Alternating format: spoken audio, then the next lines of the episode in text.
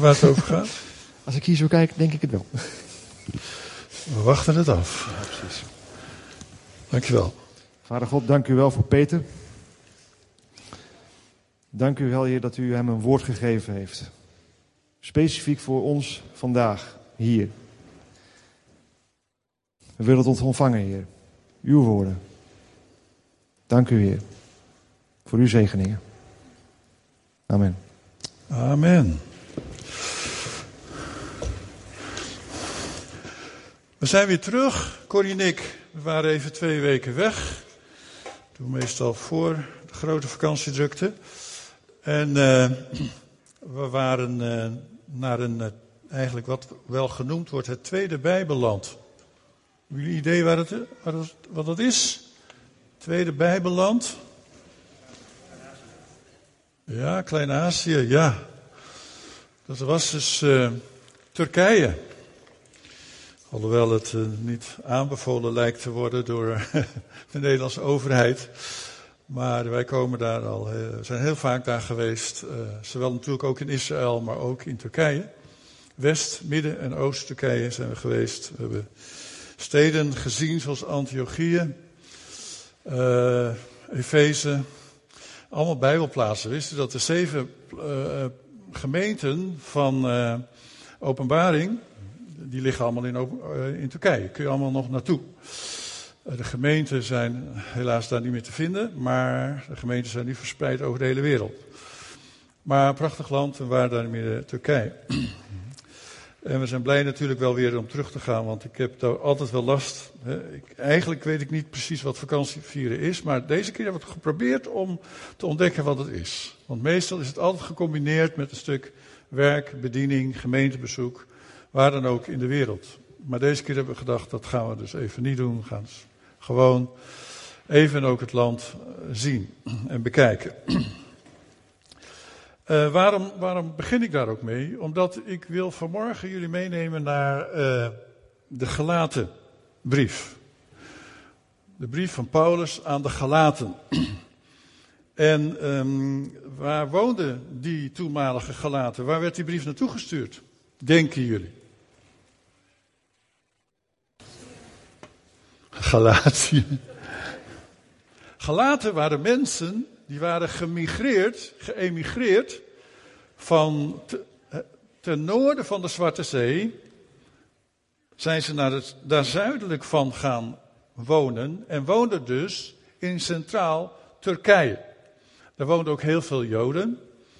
Maar uh, daar waren dus ook zij als voormalig heidenen, want ze waren heidenen. En Paulus op zijn eerste zendingsreis was daar te midden van hen, in midden Turkije. Het is overigens wel heel opmerkelijk. Uh, Turkije is dus ook bekend als het uh, tweede Bijbelland. Als je bijvoorbeeld het, uh, het boek Handelingen ehm, een beetje kent, hoofdstuk 2, uitstorting van de Heilige Geest daar in Jeruzalem. En dan lezen we dat er een heleboel volken waren aanwezig die de discipelen of de apostelen ook hoorden in hun eigen taal. Kennen jullie dat gedeelte? En, er worden een heleboel volken opgenoemd.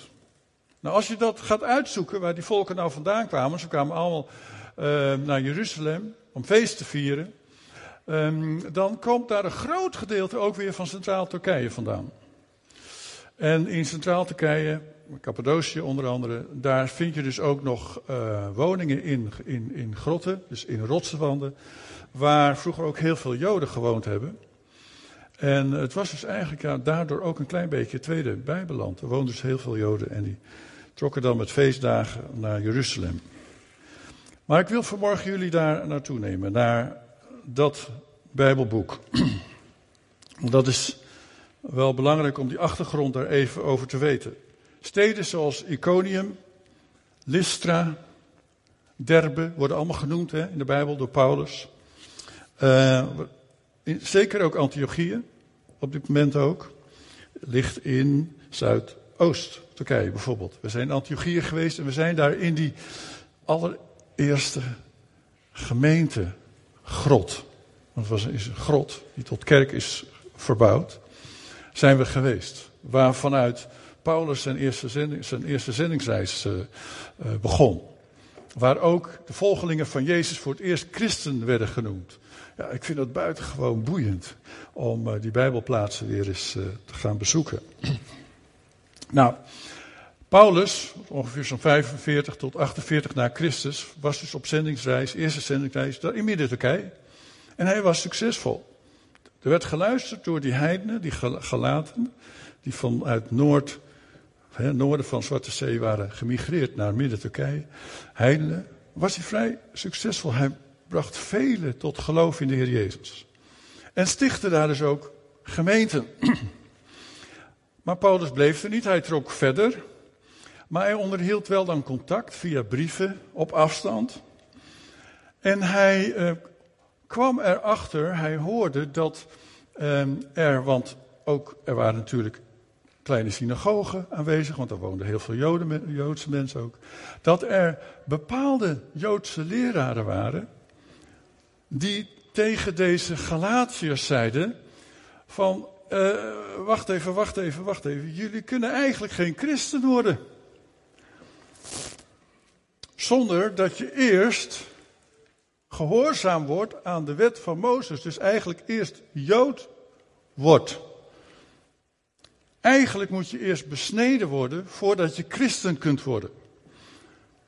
Nou, toen Paulus die bericht natuurlijk ontving, was hij best wel uh, daar verontwaardigd over. Want in Jeruzalem hadden ze onder leiding van de Heilige Geest een hele grote vergadering gehad. Vergaderingen kunnen dus echt onder de leiding van de Heilige Geest zijn. Daar heb ik ook helemaal geen moeite mee.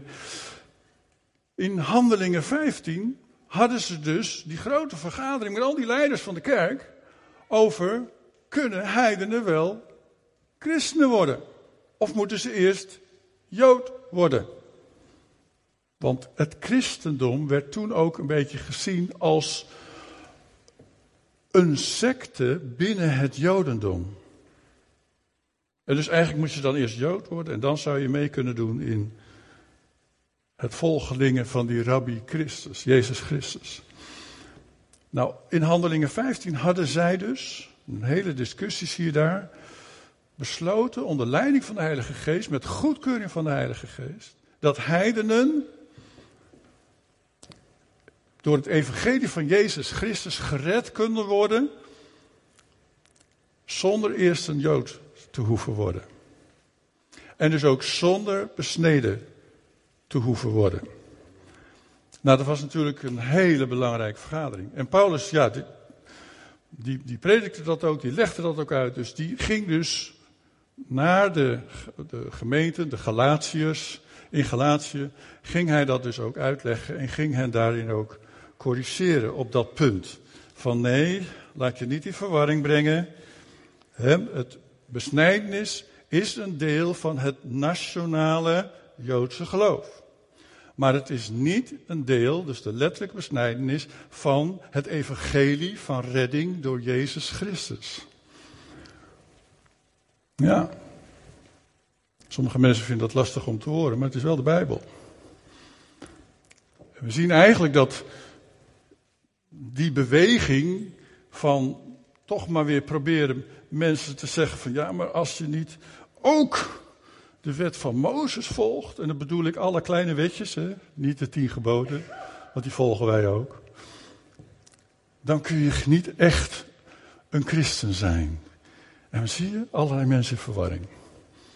En daar doen wij dus niet aan mee, als gemeente. Als gemeente. Wij, wij geloven dat het evangelie van Jezus Christus er is voor Jood en Heiden. En dat je als Heiden gered kunt worden door het evangelie van Jezus Christus. En niet een evangelie plus. Het is genoeg wat Jezus voor ons gedaan heeft aan het kruis op Golgotha. Amen. We zijn heel stil vanmorgen. Vind je het spannend? Dat is misschien wel ook wel eens goed om iets spannends te zeggen. Maar in die brief aan de Galatiërs behandelt de, de apostel Paulus eigenlijk iets heel bijzonders. Hij behandelt het veranderd worden in je leven. Het veranderd worden in je leven, in je denken, in je doen en laten door de Heilige Geest. Nou, als, als Pinkstergelovigen, daar horen, horen wij een klein beetje bij, zijn we heel veel bezig met het werk van de Heilige Geest. Het thema van ons, ook dit jaar, is Kom Heilige Geest. En dat heeft niet zoveel te maken met Kom Heilige Geest in onze samenkomsten, maar Kom in mijn leven. Wees welkom, Heilige Geest. Zoals ooit uh, Benny Hinn een titel van een, aan een boekje gaf. Um, Goedemorgen, Heilige Geest. Waarin hij heel bewust ook de Heilige Geest ruimte wilde geven, elke dag in zijn leven. Niet alleen de Heer Jezus, natuurlijk. Want de Heilige Geest wijst altijd naar de Heer Jezus, nooit naar zichzelf. De redder, die vergeving heeft gegeven aan onze, uh, voor onze zonden. En niet alleen op de Vader wijzend, maar ook de Heilige Geest heeft zijn eigen rol. En als Pinkstergelovigen zijn we daar veel mee bezig. We zijn veel mee bezig met de vervulling, de doop, de volheid van de Heilige Geest. Dat je niet alleen de doop in water mag ondergaan waarin je eigenlijk je oude leven aflegt. En een nieuw leven met Jezus op mag staan, maar ook ondergedompeld mag worden als het ware, geestelijk. In de geest. Vervuld zijn met de Heilige Geest. En we strekken ons ook uit naar de gaven van de Geest. En ik vind dat geweldig. Ik hou van de gaven van de Geest. Ik vind dat fantastisch. Alleen waar hij vanmorgen dus over wil hebben, is toch een ander proces van het werk van de Heilige Geest. En dat is namelijk de vrucht van de Geest. Wat is van gehoord? En dat heeft te maken met karakter. Dat heeft te maken met een veranderd leven. En dat is toch ietsje anders als de gaven van de geest. Ik heb hier een paar, uh, nou dit zijn natuurlijk wel een paar uh, niet echte cadeautjes, maar goed. Ik moest een voorbeeldje hebben. Het ziet eruit in ieder geval als echte cadeautjes. als, wij, als we in Romeinen 12 en ook 1 Korinthe 12 lezen over de charismata en de gaven van de geest, dan, dan wordt er ook letterlijk bedoeld een gift, een cadeau. Iets wat je kunt ontvangen. Iets waar je niets voor hoeft te doen. Want de geest bepaalt zelf hoe hij die gaven uitdeelt. Dat bepaal jij niet. Oh, je kan je misschien wel uitstrekken. Maar het is de Heilige Geest. En hij deelt het niet uit om jou happy te maken. Maar hij deelt het uit omdat iemand die naast jou zit, of in jouw buurt woont, of op jouw werk je tegenkomt, een nood heeft. En omdat hij weet dat wij beperkt zijn in onze mogelijkheden, rust hij ons toe met iets extra's. En dat geeft hij ons als een gave. Om die persoon te kunnen helpen. Je kunt daarvoor naar een conferentie om erover te horen. Hè? En misschien een impartatie te ontvangen. Geweldig. Halleluja. Doen we ook.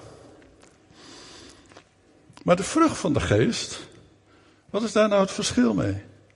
Tussen de gave van de geest en de vrucht van de geest. Zou je naar een conferentie kunnen om een impartatie van de vrucht van de geest te ontvangen in je leven? Wordt niet zoveel over gesproken overigens, hè? Oh, dus gewoon, uh, ik zegen jou en ik leg je de hand op en dan ontvang je het. Dat is impartatie. Er is een verschil tussen gaven en vrucht. Gaven ontvang je. Gratis voor niets. Prachtig. Om de Heer te dienen, de gemeente te dienen, de gemeente op te bouwen. Daar is het ook voor. Het wordt ook helemaal uitgelegd. Komen we allemaal nog op hoor. Dit jaar maak je geen zorgen. Maar de vrucht van de geest, die groeit. Of niet? Een vrucht groeit anders dan gaven van de geest. En dat is goed om dat, om dat te snappen, om dat te begrijpen. Dus die verandering die de Heilige Geest wil uitwerken in mijn leven, is gewoon een proces. Maar het is wel iets waar ik me bewust van moet zijn. Waar ik dus ook mezelf voor open moet stellen van, Heilige Geest, ga maar door. Verander mij maar. Ik ben misschien uh, even wat kleiner gebleven. Nou, in Turkije aten we dus zulke watermeloenen. En die kosten een kwartje per kilo. Dat is wel heel wat anders nog dan hier. Hè? Maar ze kunnen dus heel groot worden. Ik zie nog helaas soms te vaak binnen onze kringen dat mensen zich zo uitstrekken naar de uiting en de gaaf van de geest, dat ze ja, vergeten eigenlijk dat het een deel van het werk van de Heilige Geest gewoon ook bezig, continu bezig is in ons om ons te veranderen. Dit is om een zegen te zijn voor andere mensen. Maar dit is ook een groeiproces in ons eigen leven. Nou, wat zegt Paulus erover in Galaten 5, vers 22? Hij heeft het dan tegen die Galaten over het dat veranderde leven, dat ze nu mogen leven, een leven in de geest. In plaats van dat oude heidense leven wat in het vlees was. Dus jullie mogen echt leren leven, een leven in de geest. En de vrucht van de geest, staat daar, is liefde, blijdschap. Dat is een andere vertaling, maar dat maakt niet uit. NBG. Vrede, langmoedigheid, vriendelijkheid, goedheid, trouw, zachtmoedigheid, zelfbeheersing. Tegen zodanige mensen is de wet niet. Zie je, komt het even dat woordje de wet. Want dat ging over dat achterliggende probleem. Wat daar was in Galaten. Nou, de vrucht, het Griekse woord is karpos. Karpos. Als ik een schoolbord had, dan kan nog een beetje goed uh, Grieks schrijven, dan zou ik het in het Grieks schrijven. Karpos. En dat staat in enkelvoud. Dus je hebt gaven van de geest. En je hebt één vrucht van de geest. Die bestaat uit verschillende bestanddelen. Die bestaat uit verschillende bestanddelen.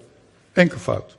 Als je gaat bijvoorbeeld naar de vrucht van het vlees, hè, of naar zo de werken van het vlees, noemt Paulus dat. Dat is vers 19 tot 21. Kunnen we daar naartoe? Het is duidelijk wat de werken van het vlees zijn. Daar kwamen ze natuurlijk uit. En die komt, dat komt ook af en toe nog wel eens boven in je leven. Hoererij, onreinheid, dat hoort bij je oude leven. Ze werken van het vlees losbandigheid, afgoderij, toverij, veten.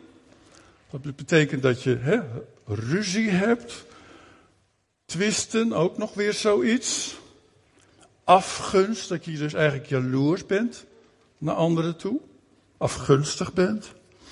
Uitbarstingen van toren. Heeft u wel eens last van uitbarstingen van toren? Dat je echt boos bent, maar niet op een goede manier. Zelfzucht, op jezelf gericht bent. Ik, ik, ik. Tweedracht.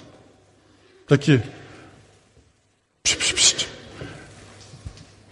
Ik, heb een, ik heb een berichtje en ik vind dat je het met mij eens moet zijn.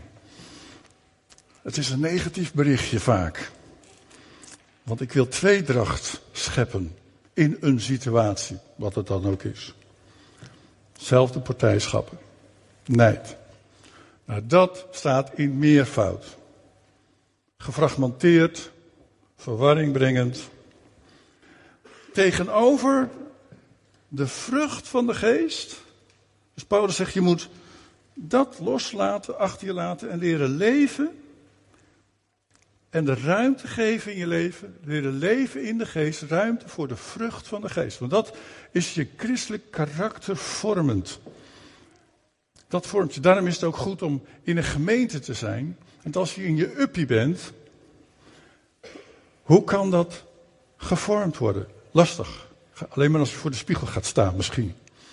Maar juist door langs elkaar heen te wrijven, als het ware, en af en toe eens eventjes eh, misschien een wat lastig moment met elkaar te hebben, word je gevormd. Want dan krijgt die vrucht de kans om te groeien. Negenvoudige vrucht van de geest. Dit is dus eigenlijk echt een resultaat van groei, van leven. Een leven met de Heer. Een leven met de Heilige Geest in je leven. Dagelijks. Ruimte daarvoor geven. En, en om een goede vrucht te hebben, moet je dus een sterke boom hebben, sterke tak. Nou, ik ben verantwoordelijk in onze tuin voor twee perenbomen. Leiperen. Ik heb helemaal geen verstand verder van de tuin. Gelukkig dat Corrie dat wel heeft. Maar ik heb ook vanaf dat ze heel klein waren. En dan die takjes langs draadjes. En nu zijn ze al groter dan ik. Grote takken. Eén van die perenbomen, ze staan vlak bij elkaar. Leiperen. Heeft nu 35 peren. Er worden zulke joekels. En de ander heeft er maar eentje. Oh, zielig. Maar het komt omdat de perenbomen last hadden gehad van een ziekte. En dus moesten ze behandelen voor die ziekte. En de een heeft er zich goed van hersteld en de ander nog niet.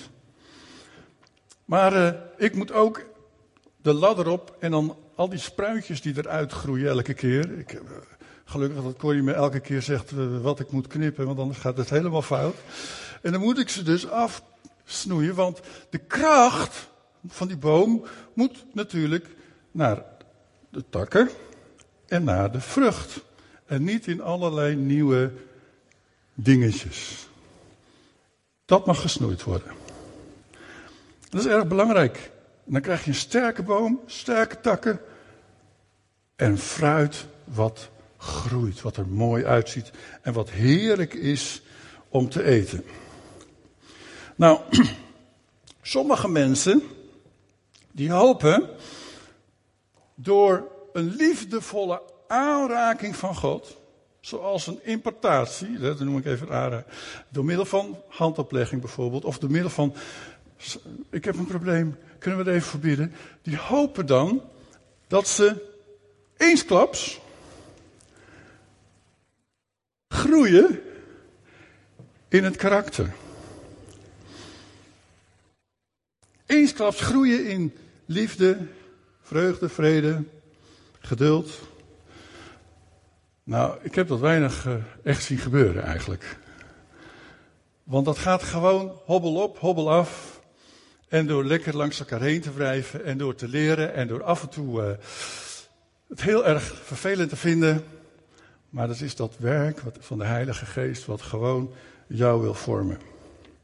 He, geduld bijvoorbeeld, nou dat leer je alleen maar als je in een situatie terechtkomt waar veel strijd, veel tegenslag is. Oeh. Nou, dan moet je dus geduld gaan leren. Ik wil het helemaal niet, juist. Maar dat weet de Heer natuurlijk ook.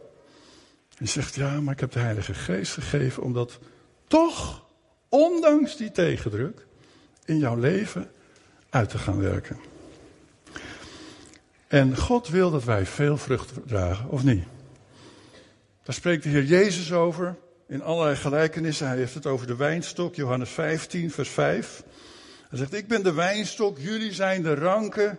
En als iemand in mij blijft en ik in hem, dan zal hij veel vrucht dragen. Het gaat natuurlijk over allerlei vrucht, maar onder andere ook over vrucht van de geest.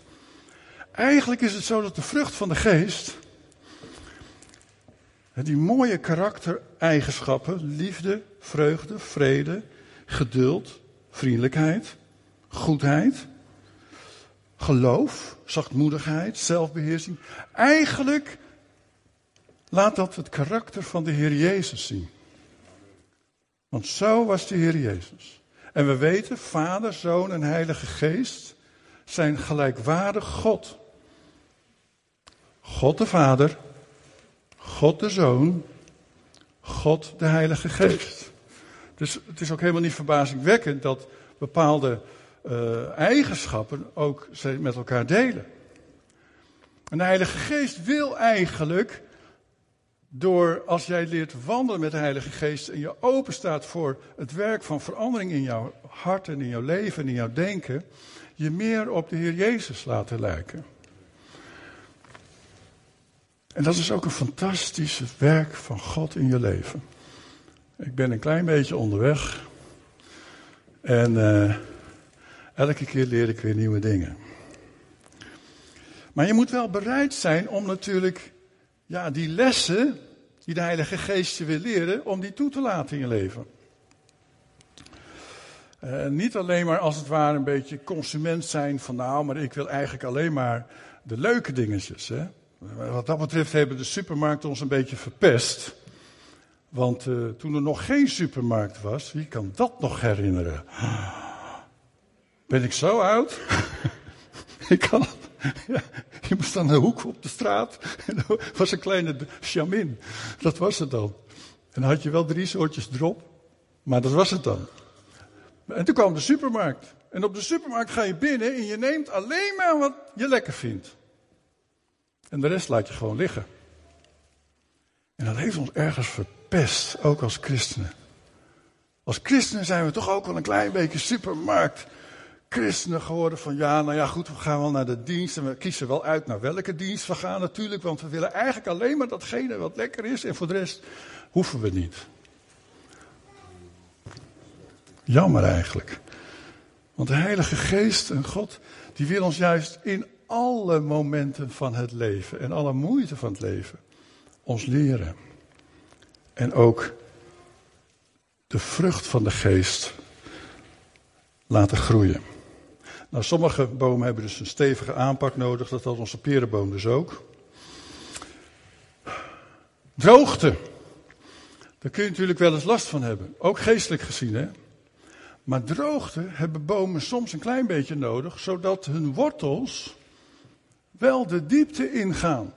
Zodat als er een keer een stevige wind aankomt, ze niet omwaaien.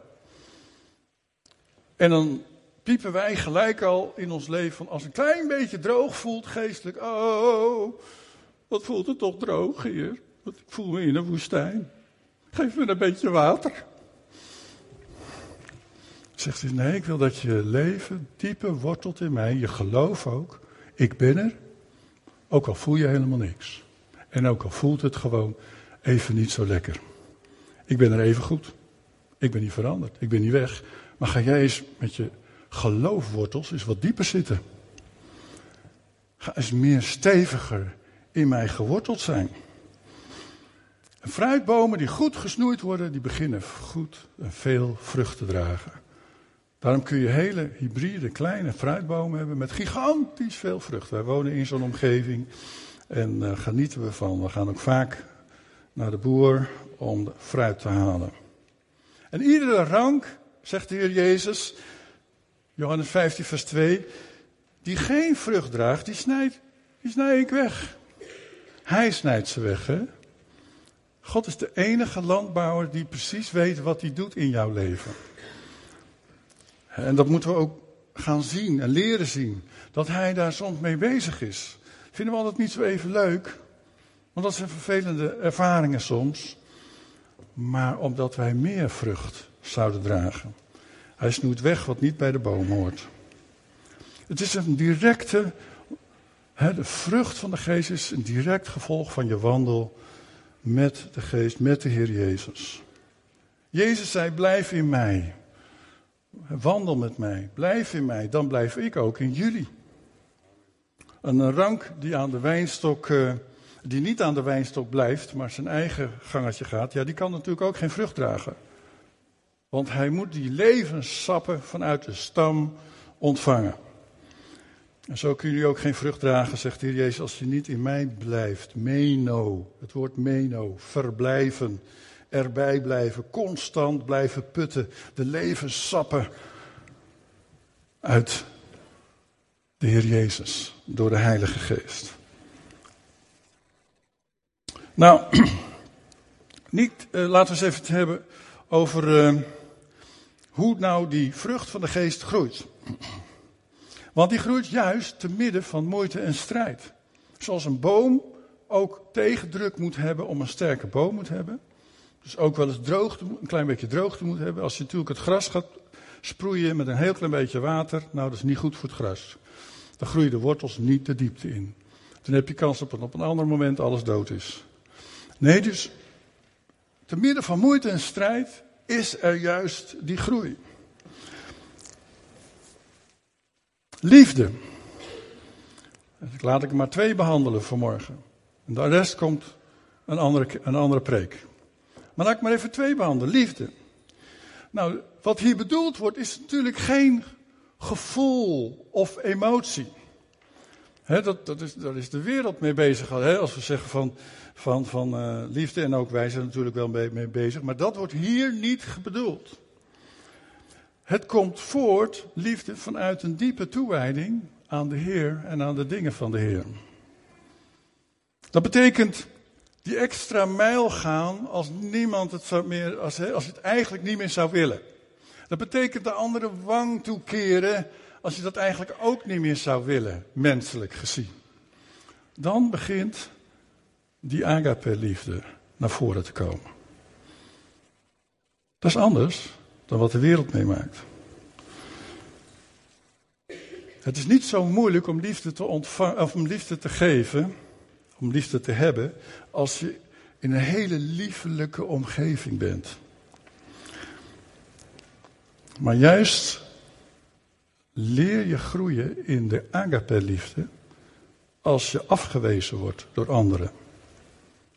Misschien wel gehaat wordt door anderen. En dan toch kan liefhebben. Denk eens aan Corrie ten Boom, hoe zij de beul van haar familie in het uh, krijgsgevangenkamp in Duitsland.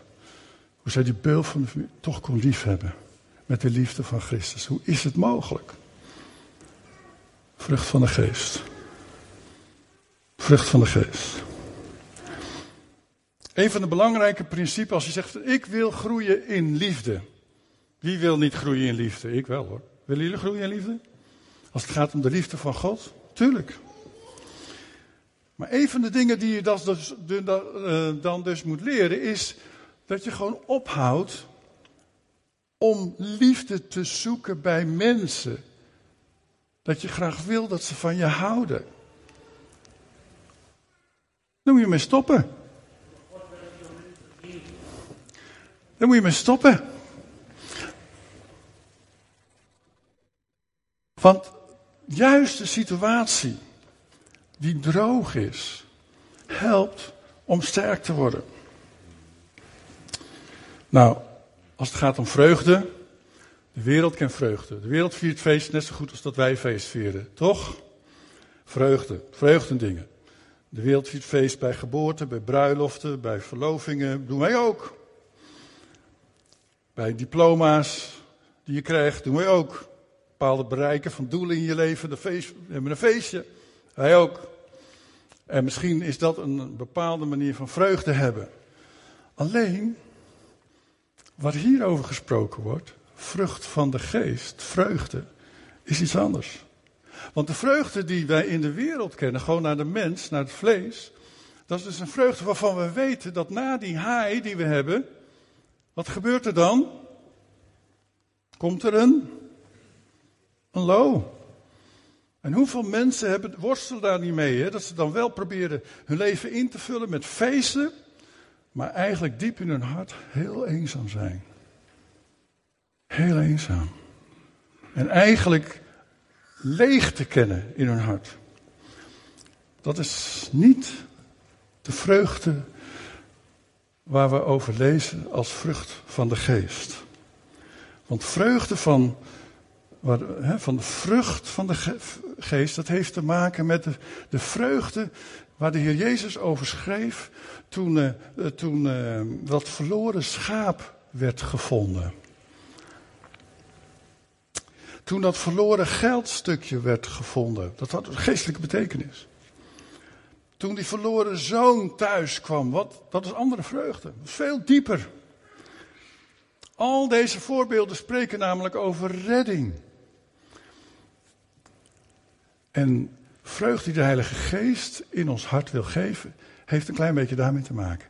He, zoals God met de engelen feest viert als iemand zijn leven aan Jezus geeft, die vreugde, dat is eigenlijk de vreugde die behoort bij de vrucht van de geest. En daar wil ik wel graag nog wel wat meer van hebben. Ik wil samen, zo die dankbaarheid van de hemel wil ik ook ja, vieren en, en beleven. Uh, ten eerste over mezelf, maar ook als, uh, als andere mensen Jezus leren kennen. Als wij samen zingen zo op een zondagmorgen, daarom komen we ook samen.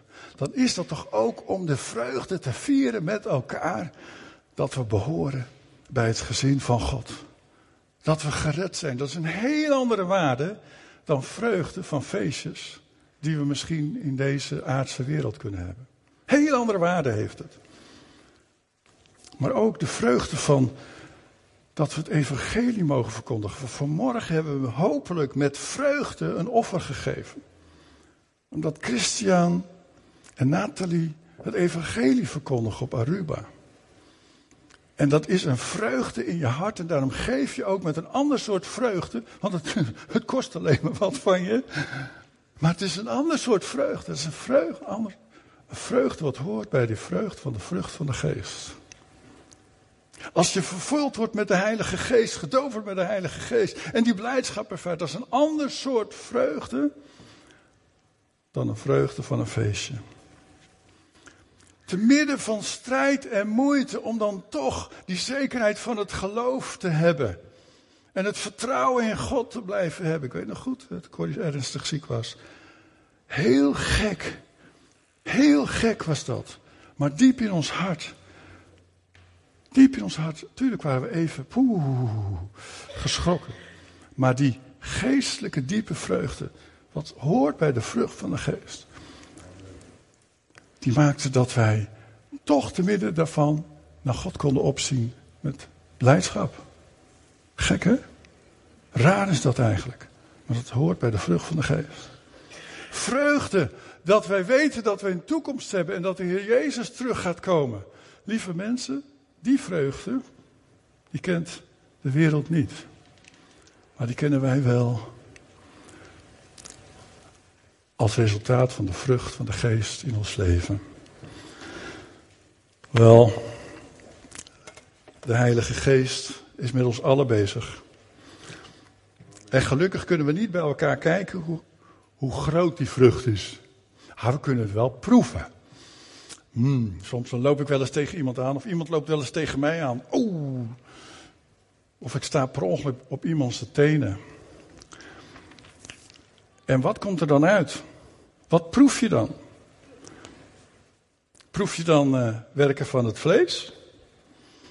Of proef je dan toch ook een stukje van de vrucht van de geest?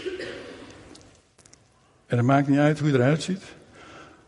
Maar als je zegt van Heer, ga maar door. Verander me maar. Maak me meer naar het karakter van Jezus.